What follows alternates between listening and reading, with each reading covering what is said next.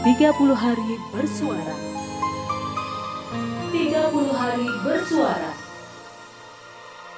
Kamis 10 Desember 2020.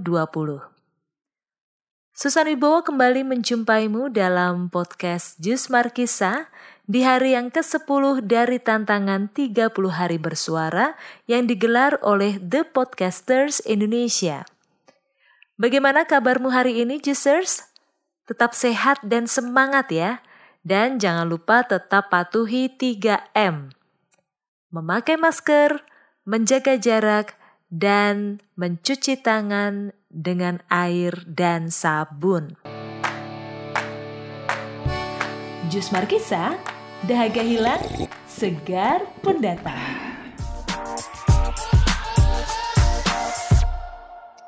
Nah, kali ini topiknya adalah tentang pertemanan. Ada kata mutiara yang sangat populer mengatakan, "A friend in need is a friend indeed."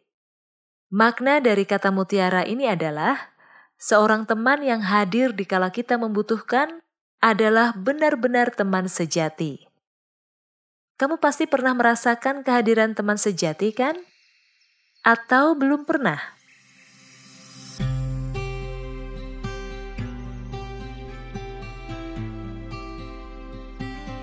Dunia ini memang sering kali mengenal tiga warna ya. Warna hitam, putih, atau abu-abu. Kalau dalam konteks pertemanan, teman yang masuk kategori hitam menurut saya adalah teman yang bold. Dia berani mengungkapkan pendapat yang berseberangan dengan kita. Meski kalau ia sudah berulah macam ini, kita jadi jengkel dibuatnya. Tapi kehadiran teman yang bold ini cukup dibutuhkan untuk membuat kita menyadari ada pemikiran yang berbeda dari kita. Dan itu penting kalau kita ingin menjadi bijaksana. Kategori berikutnya, warna putih.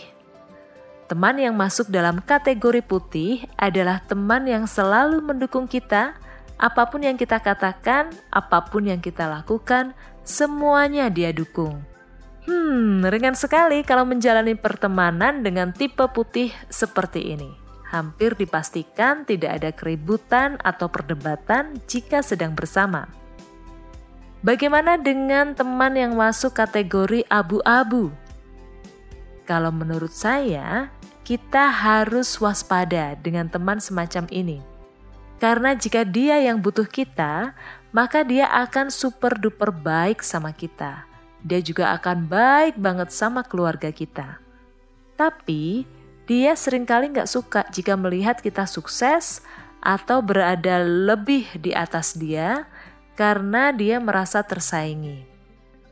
Maka dia akan melakukan manuver, dia akan melakukan aksi propaganda kepada teman-teman kita yang dia juga kenal, tujuannya untuk menjatuhkan atau menjelek-jelekan kita.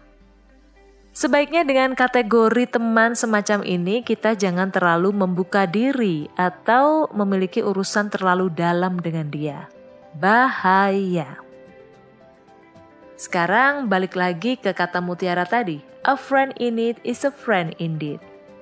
Saya punya satu cerita tentang pertemanan semacam ini. Mau tahu ceritanya? Dengerin ya.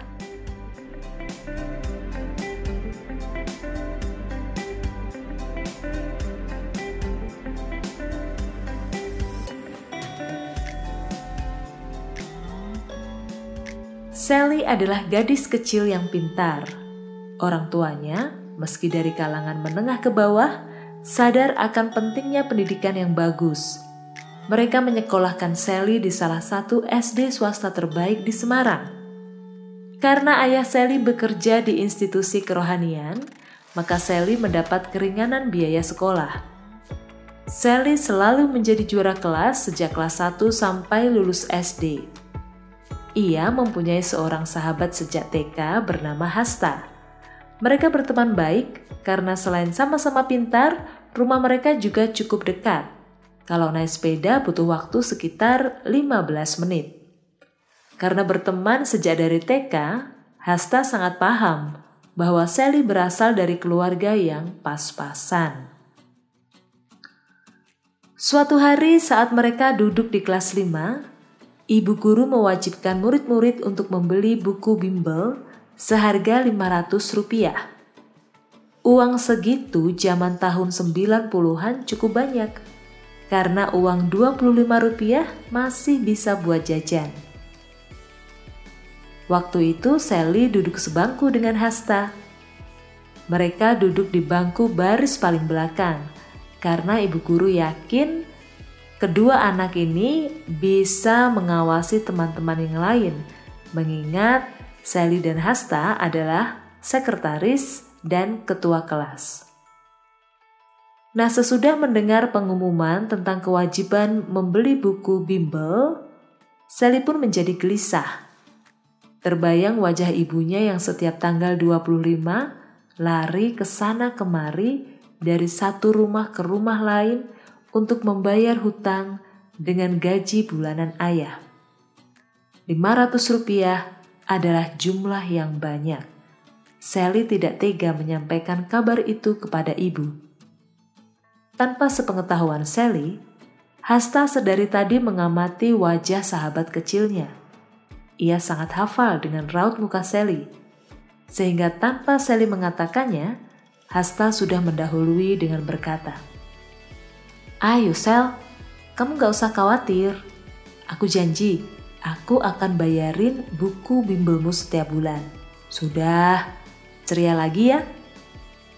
Ucapan Hasta yang sejuk itu melegakan hati Sally.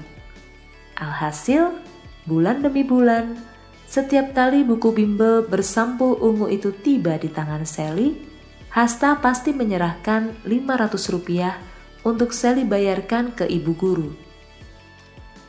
Bentuk perhatian dan kasih Hasta tidak hanya untuk urusan buku bimbel. Waktu kelas 3 SD, Sally pernah sakit cacar air, sehingga tidak masuk sekolah sampai belasan hari. Tak ada satupun teman Sally yang menengok kecuali Hasta. Dengan mengayuh sepeda, hampir setiap hari Hasta mendatangi rumah Sally hanya untuk tahu kabarnya dan sekaligus memberi kabar pelajaran yang didapat hari itu. Bahkan Hasta juga meminjamkan buku-buku catatannya agar Sally tidak ketinggalan pelajaran. Ketika Sally sembuh dan muncul kembali di kelas, Hasta selalu mengingatkan Sally untuk rajin makan biar sehat. Kekompakan dua sahabat yang sama-sama berprestasi ini menjadikan Sally dan Hasta terkenal dan dijadikan contoh oleh guru-gurunya. Oleh sebab itu, ketika acara pelepasan siswa kelas 6 digelar, Hasta dan Sally mendapat penghargaan sebagai siswa terbaik. Apa yang kemudian terjadi pada Hasta dan Sally? Rupanya persahabatan itu terus berlanjut sampai dewasa.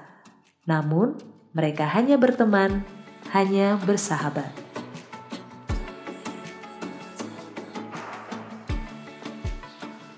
Juicers, baru saja kamu mendengar cerita persahabatan Hasta dan Sally. Sudah menunjukkan kata mutiara, a friend in need is a friend indeed bukan? Jadi, pertemanan yang baik itu adalah pertemanan yang saling membantu. Tapi kalau dalam kasus tadi, posisinya Sally terus yang dibantu ya. Dan Sally ini belum pernah uh, membantu Hasta karena memang Hasta belum membutuhkan bantuan waktu itu. Oke, semoga cerita hari ini memberikan wawasan, menginspirasi kamu untuk bagaimana menjadi seorang teman yang baik dan bagaimana juga memperlakukan teman yang sudah baik kepada kita. Sampai di sini Susan Wibowo menemanimu. Kita ketemu lagi besok di tantangan hari ke-11. Sampai jumpa.